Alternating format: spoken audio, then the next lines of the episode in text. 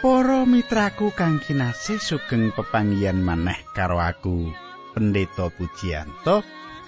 Ana ing sajroning adicara margi utami adicara kang dadi kelanganan panjenengan pangajapku muga panjenengan tansah kinantenaning Gusti Lupering rahayu tinebihna ing sambekala menapa-menapa. Kados padatan atur pasugatan adicara iki mirunggan kagem panjenengan sing remen anggegilut remen sinau isining kitab suci. Panjenengan perso adicara iki isine jangkep runtut tur prasaja manut urutane ayat lan pasal saka ing kitab suci kita iki. Kang mratelekake meh saben ayat kala-kala kanthi nggayutake karo panemune ngelmu kasunyatan sarta kahanan urip pedinan panjenengan lan aku utamane ing babagan-babagan paneliti-peneliti ing bab kasukman. Sugeng midhangetake adicara iki.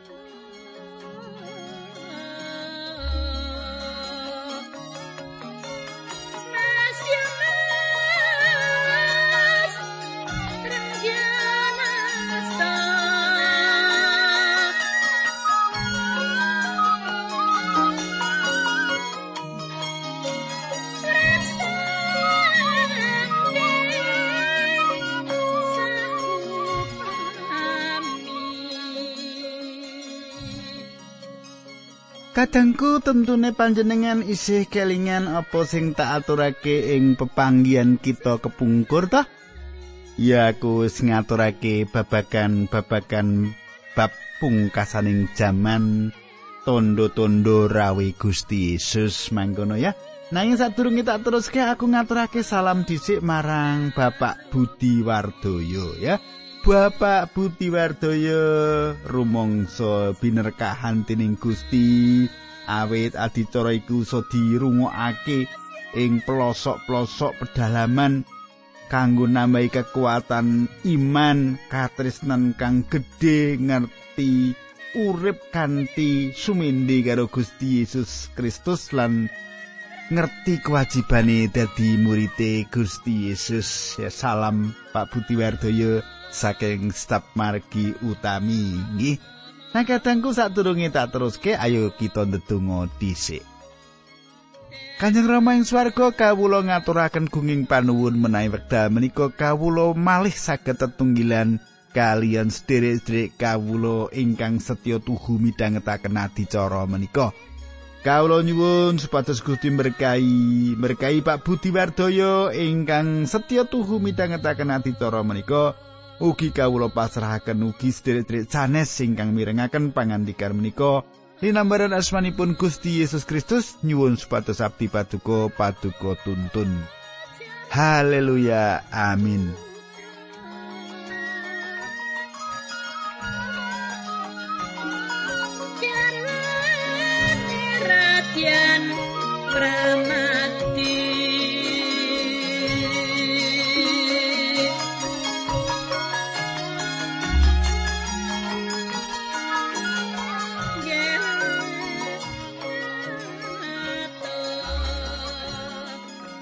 Kadangku kang ndak tresnani. Gambaran ngenani wit anjir utawi wit ora iku gambaran tumrape bangsa Israel. Ing kitab Nabi Hosea dipratelakake mengkini coba panjenengan semak Hosea songo ayat 10. Pangandikane pangeran mengkini nalika aku ketemu karo Israel sing wiwitan rasane kaya nemu wit anggur sing tukul ing ora-ora samun. Nalika aku pirsa para luhurmu sing kawitan kaya pirsa woh anjir sing mateng gasik dhewe ing mangsa wowoan. Iki pangandikane Gusti saka Hosea 10. Katangku mengkini. Wit anjir iku gambarane bangsa Israel. Bangsa Israel saperangan wis padha bali mulih menyang negarane sawise dikuyo-kuyo lan sumebar ing saindenging jagat. Saiki wis padha bali keluarga mboko keluarga kaya-kaya gambarane wit anjir sing wis ijo godhongi. Apa iki ya salah sijine tondo yen Gusti bakal rawuh? Kadangku coba panjenengan semak Matius 24 ayat 34. Mengkini surasane tak wacake panjenengan gateke. Ilingo kabeh kuwi bakal kelakon sadurunge wong-wong sing saiki padha urip iki mati. Wong-wong sing saiki sing dikersakake Gusti Yesus ya bangsa Israel. Utawa sing padha urip ing jaman semono. Dadi tujuane sing dikersaki Gusti Yesus yaiku bangsa Israel utawa wong-wong sing urip jaman semono. Tembung elingo uga ateges Gusti maringi awasan. Supaya apa? Supaya bangsa iki ora cures jalaran mangsa kasangsaran gedhe sing bakal kelakon. Nanging sanyatane pancen bangsa Israel tansah diwengku dening pangeran Allah ing jamane raja Ahasveros sing kagungan patih jenenge Haman. Patih Haman pancen kanthi cara sing wis ditata tarik-tarik kanggo ngenteki bangsa Israel. Rancangan sing ditata tarik-tarik tujuane kanggo ngenteki bangsa Israel. Wusonane malah piye? Malah Haman dhewe sing entek digantung dening Sang Prabu Ahasveros.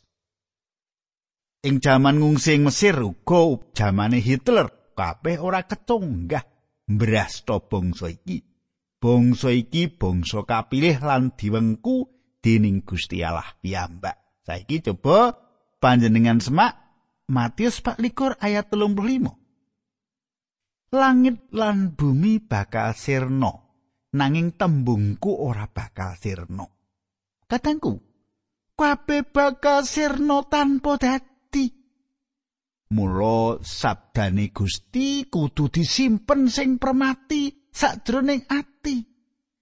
Jalaran apa? Jalaran ya mung sabda iki sing bakal langgeng selawase. Nah, saiki diteruske Matius 24 ayat 36 mengkene surasane. Ora ana wong siji wae sing weruh dina lan jame rawuhe putrane menungso. Malah sang putra piyambak ya ora pirsa, mung sang Rama piyambak sing pirsa. Kakangku kang dak tresnani senadan jaman terus ngangsek sang saya tuwa. Nanging bab rawe Gusti ora ana sing bisa mbadhe kapan kedadeane. Mestine panjenengane wis asring mireng kaya ngopo akeh pambadhe pangira-ira bab rawe Gusti iki. Kabeh pamecane menungso cabar. Jalaran kitab suci wis ndawake yen sapa wae senadyan malaikat pangeran uga ora ana sing ngerti.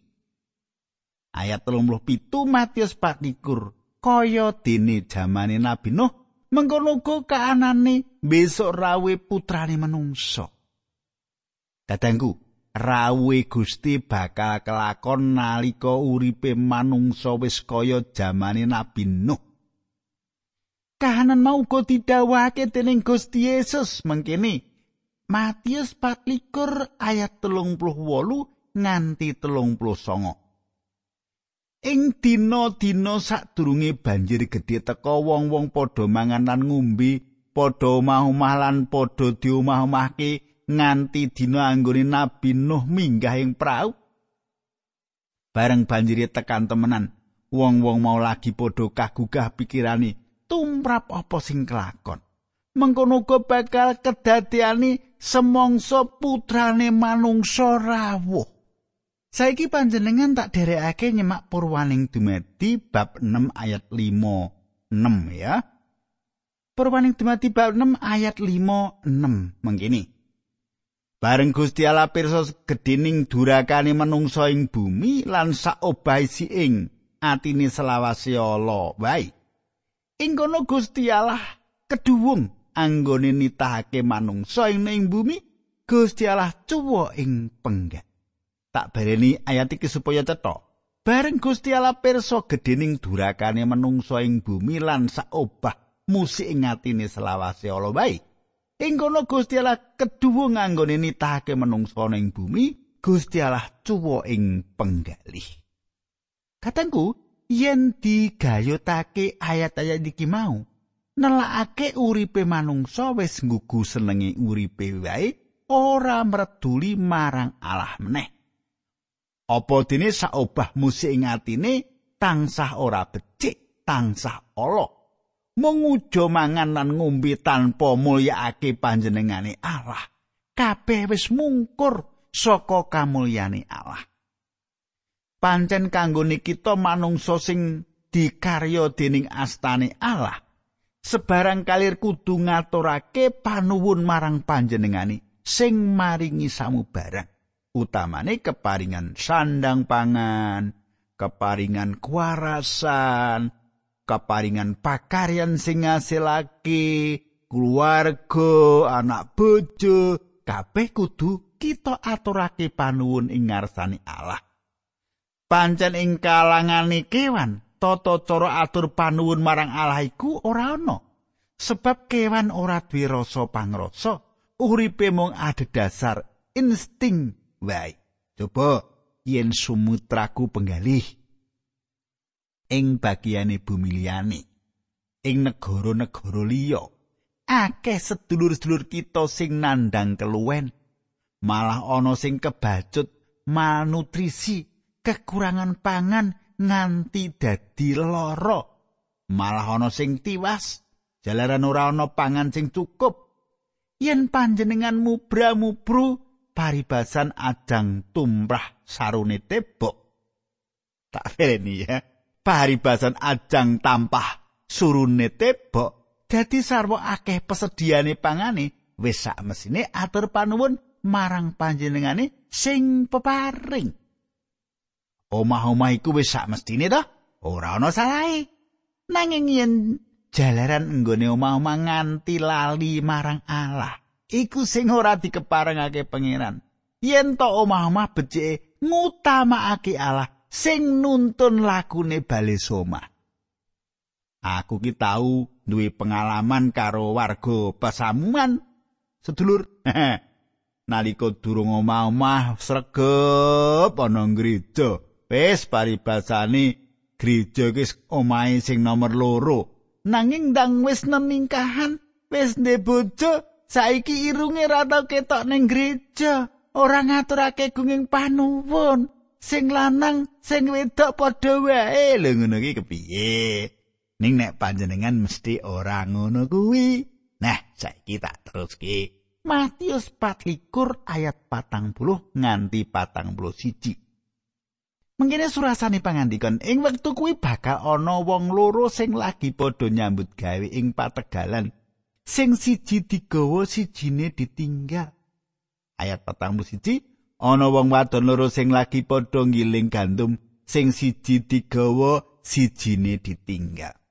Katangku ana sing duweni panemu yen khotbah Gusti Yesus sing puntuk ora ngepok singgol bab pasamuan sing disengkakake dening Gusti. Nyatane ing ayat iki Gusti ndawuhake conto wong loro sing siji diangkat lan sijine ora. Akeh sing ora nggape nalika Nabi Nuh kondo yen bakal ana banjir gedhe. Mokal, apa meneh panggonane ora cedhak kali gedhe utawa pesisir ing segara, ora ana tanda-tanda arep udan. Piye anek banjir? Nuh ki piye kuwi? Apa Nuh ki rada kuwalike blate? Ngono mestine ya. Nah, katen kudu madan udan gedhe nyiram bumi nganti pirang dina?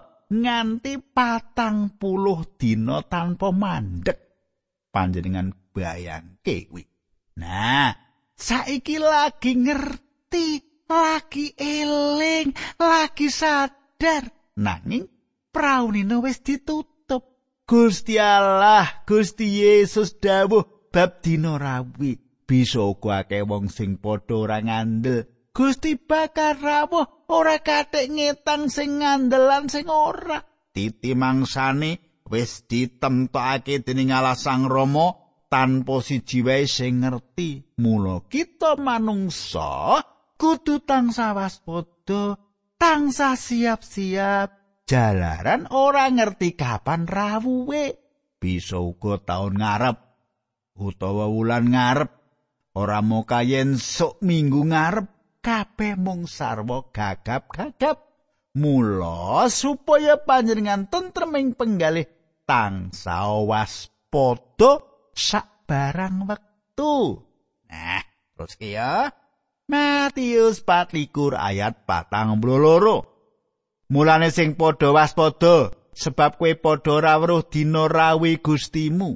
Kadangku tembung waspada luwih jangkep tinimbang tembung sing ngati-ati.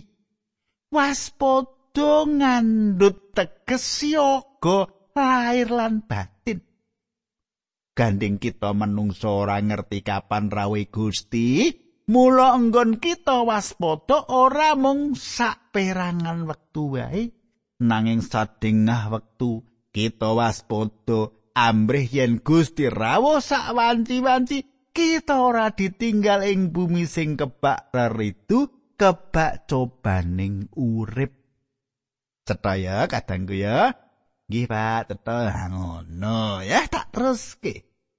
Ing basa Ibrani tembung waspada duweni teges rangkep malah nganti pitulas werna Mbok menawa ing basa liyane klebu basa Jawa tembung waspada ora ngandhut teges sing nganti akeh cacahe. Yen ana juru mbebedak pemburu lagi nunggu kewan sing arep dibedak, diburu, yaitu kanthi waspada. Ora mubah, ora musik. Supaya apa? Supaya ora ana kewan sing ngerti yen lagi diancam patine. Waspada ing kene ateges waspada kanggo mateni. Mateni kewan sing diburu. Ana meneh waspada sing ditujokke wong tua sing lagi nunggu anake ing rumah sakit. Yen dokter kondo mengko tengah wengi anake arep ngalami mangsa krisis wong tuane mau nunggu-nunggu kanthi kuatir apa sing arep kedadian tumrap anake loro-lorone duweni teges sing ora padha karo apa sing dikersake dening Gusti waspada. Nganti anti Gusti ateges waspada kanthi urip lumrah kanthi syukurna miturut apa sing dadi kersane Allah. Ana meneh tembung waspada sing cedhak karo kahanan wong lanang sing lagi nunggu bojone teka saka lunga pasat mongko bojone mau umure wis patang puluh lima taun lan ora patio sehat dadi waspada iki ngandhut teges sing beda karo waspada kanthi giya-giya urip ing margining Gusti. Matius 24 patang puluh telu patang puluh papat patang puluh lima ya. Matius 24 ayat patang puluh telu nganti patang puluh lima. Tak wacaki ngilingono sing mengkini iki yen wong sing duwe omah ngerti wektune maling sing arep nekani omahe wong mau bakal ora turu lan ora bakal oleh yen omahe dileboni. Ayat 44 mulane kowe selawase kudu siaga sebab putraning menungso kuwi rawe ing wayah sing ora kok nyono. Ayat 45 yen mengkono endi abdi sing seto lan sing pinter teman diangkat bendarane ngepalani abdi-abdi liyane supaya menehi jatah pangan marang para abdi liyane mau ing wektu-wektu sing ditemtokake. Katangku gegambaran utawa pasemon sing diparingake Gusti marang para murid mau supaya kita manungsa bisa nemtokake cara kepriye nggon kita nampa rawe Gusti sing kaping pindho mengkone ayat patang puluh patang puluh pitu, patang puluh wolu, patang puluh songo, nganti saya siji tak wacake Matius 4 ya. Ibu bejani abdi sing naliko bendarane rawuh ketemu lagi nindakake kewajibane. Ngandelo bendoro mau bakal ngangkat abdi kuwi dipasrai ngurus sabarang darbai bendarani. nanging yen abdi mau ala atine lan duwe gagasan mengkini bendaraku bakal ora enggal rawuh nuli wong mau wiwit nyio-nyio abdi-abdine liyane sarta mangan lan ngombe bebarengan karo wong-wong sing seneng endem-deman mongko bendarane mau nuli rawuh ing dina sing ora dinyono-nyono lan ing jam sing ora dingerteni sadurunge abdi mau bakal dihukum dening bendarane sak katoge kaya yen ngukum wong lamis ing kono abdi mau bakal nangis lan geget untu. Katangku, pasemon iki mau kabeh ngabarake wong-wong sing nganggep yen rawe Gustiku durung temtu wektune bisa uga diundur utawa ora sida rawuh. Dadi urip iki bisa ditata kanthi sak senenge dhewe. Ora susah kanthi nganggo sregep dedonga, ora kanthi nganggo sregep ngilut-ngilut kitab suci. apa maneh kanthi sregep lunga gereja barang ora sah. Ora-orane Gusti yen arep rawuh cepet-cepet, ora, ora sah sregep-sregep. ya ta? Nah, sabanjure kita mlebu bab selawe sing ngemot critane bab 10 perawan. Sing pasemon iki mratelake gegayutan karo imane bangsa Israel. Nuli bab talenta sing memasemonake sing mratelake pasemon kasetan sakjroning peladosan katur Gusti lan pangadilan marang bangsa-bangsa sakliyane bangsa Yahudi. Nuli nguji bab ditampine ing golongane wong-wong sing kapilih. Kabeh iki mau yen digegilut kanthi tememen bakal ngasilake tumanggap kita secara pribadi marang Sang Kristus juru wilujenge jagat. Pasmon bab prawan 10 iki nggambarake bab saperangan wae wong pracaya sing kasengkake ing aluhur dening Gusti. Ana wong-wong sing mercayani bab iki, lan mesti sing padha mbila kapercayan iki nganggep yen dheweke klebu prawan limo sing wicaksana. Meh ora tau krungu yen ana wong sing padha ngakoni kanthi tulus yen dheweke klebu prawan limo sing ora wicaksana, sing sembrono, yen panjenengan klebu aliran sing sepisanan mau mesti panjenengan nganggep sapa wae klebu wong sing ora wicaksana yen klebu aku barang ya panjenengan lebokake kenya sing tolol. Kita patut syukur ing ngarsane Allah. Jalaran saka rahmat kita bisa sinengkake ngaluhur dening panjenengane. Ora ada dasar apa sing becik sing kita tindakake kanthi sih rahmat panjenengane. Gusti kita Yesus Kristus kersa nampa kita, ngrimati kita lan ngangkat kita ing ngaluhur ing ngarsane. Panjenengan semak Matius pasal selawe ayat siji nganti ayat pitu mengkini surasane tak wacake. Semongso putrane menungsa rawuh ngasta kratone Allah kena diumpamakake kaya kaanane perawan 10 sing arep ngiring penganten padha nggawa oncor banjur mangkat metuk penganten lanang. Parawan sing limo bodho lan sing limo liyane wicaksana. Parawan limo sing bodho mau padha nggawa oncor nanging ora nggawa lenga tandon. Dene perawan limo sing wicaksana nggawa oncor lan nggawa lenga sing kanggo tandon. Penganten lanang mau tekani kasep mulane perawan-perawan mau banjur ngantuk nganti keturun. Bareng tengah wengi ana suarane wong alok-alok pengantene teko. Ayo padha dipethokake. Ayat itu Prawan 10 mau banjur padha tangi lan nyandak unture dewi-dewi. Katanggu prawan sing wicaksana iki mau kabeh kelilan mlebu ing pesamuan penganten dene sing bodho katilaring jaba. Ayat 8. Prawan-prawan sing bodho li padha nembung marang prawan-prawan sing wicaksana, "Mbok aku wene ana lengahmu sethithik wae, awit oncorku arep mati." Wangsulane prawan-prawan sing wicaksana, "Aja, mengko lengane mundak ora cukup yen kanggo aku lan kowe luwih becik yen kowe menyango warung sing adol lenga lan tuku dhewe nanging nalika prawan lima mau lagi padha lunga tuku lenga mantene lanang teko prawan lima wis miranti nuli padha ngiring pengantin lanang mlebu ing omahe sing mantu lawangi banjur dikancing Kadangku jalaran urip sing ora waspada ora semadya saengga ora bisa kumpul karo kabeh keluargane penganten sing dianti-anti. Saiki ayat 11 nganti ayat 13 tak wacak ya. Sawise mengkono prawan limo liyane mau iya padha teka lan matur saka jaba, "Bapak, kula aturi mbikak korinipun." Nanging wangsulane pengantin lanang, "Kowe sapa? Aku ora kenal karo kowe." Gusti Yesus banjur mungkasi pasemone srana ngendika, "Mulane padha meleo. Awit kowe padha ora weruh dina lan wayahe putrane menungsa rawuh." Katengku, pepanggian menehi ngadicara candhake saiki aku nyuwun pamit. Kita ndedonga dhisik. Kanjeng Rama ing swarga kawula ngaturaken gunging panuwun menawi wekdal menika kawula saged tetunggilan kalian srik kawula lan midhangetaken sabda pangandikan paduka. Kawula suwun kintenipun pangandikan menika saged dados berkah kangge sanak katang kawula menika. Dinambaran asmanipun Gusti Yesus Kristus kawula ndedonga. Haleluya. Amin.